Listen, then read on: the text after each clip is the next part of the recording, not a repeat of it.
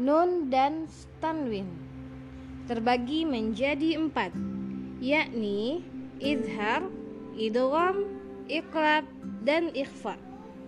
Yang pertama adalah izhar, yakni saat tanwin atau nun sukun bertemu dengan huruf-huruf halq atau huruf tenggorokan. A, H, Ain, H, Kho, dan Ro. Nun atau tanwinnya dibaca jelas. Contoh, kullun aman man a'ta salamun hi alam anhakuma. Yang kedua adalah idgham. Idgham terbagi menjadi dua yakni idgham bi dan idgham bil ghunnah idgham bi adalah saat nun atau tanwin bertemu dengan huruf yanmu ya nun mim waw kaidah idgham sendiri artinya memasukkan nun sukun atau tanwin ke dalam huruf berikutnya. Contoh min nazir ya Musa lan nu'min mim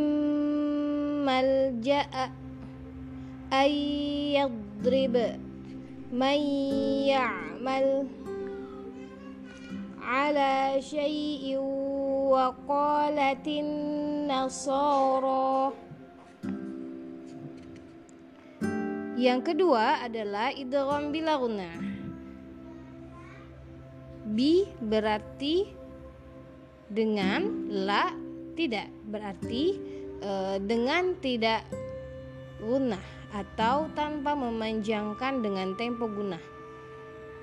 Hurufnya ada dua, lam dan roh. Musaddiqal lima hudal lil muttaqin. Ada pengecualian pada empat kata ini, yakni sinwanun, qinwanun, bunyanun, dan dunyanun. Karena nun mati dan waw atau anggota dari yanmu berada dalam satu kata atau satu kalimat. Maka ini disebut dengan izhar mutlak. Di Al-Quran hanya ada empat kata ini. Yang ketiga adalah iklab saat nun mati atau tanwin bertemu dengan huruf ba maka cara membacanya dirubah menjadi mim dengan tempo gunah yang dipanjangkan. Contohnya amba'ak yambu'a la yumbazan Ada tiga cara dalam membaca iklab. Yang pertama adalah furjah, celah yang lebar antara bibir atas dan bibir bawah. Yang kedua adalah furja saghira baina syafatain. Celahnya kecil. Ada pendapat yang mengatakan setipis jarum atau sehelai kertas. Yang ketiga adalah izlaq baina syafatain, yakni menutup kedua bibir, bibir atas dan bibir bawah. Yang keempat adalah ikhfa, yakni nun mati atau tanwin bertemu dengan huruf Sif dha sana kam jada syukh kam jada syakhsun qad sama dum tayyiban zid fi tuqa zaliman yang ini diambil pada awal kata saja Nah, kaidah ikhfa sendiri secara umum adalah gunahnya ikhfa mengikuti huruf setelahnya.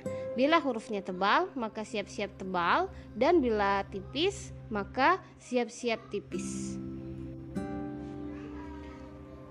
Ikhfa terbagi menjadi tingkatan. Tingkatan yang pertama adalah ikhfa yang mendekati idgham karena makhrajnya dekat dengan huruf nun. Pada tingkat ini ada tiga huruf, yakni ta, dal, dan to.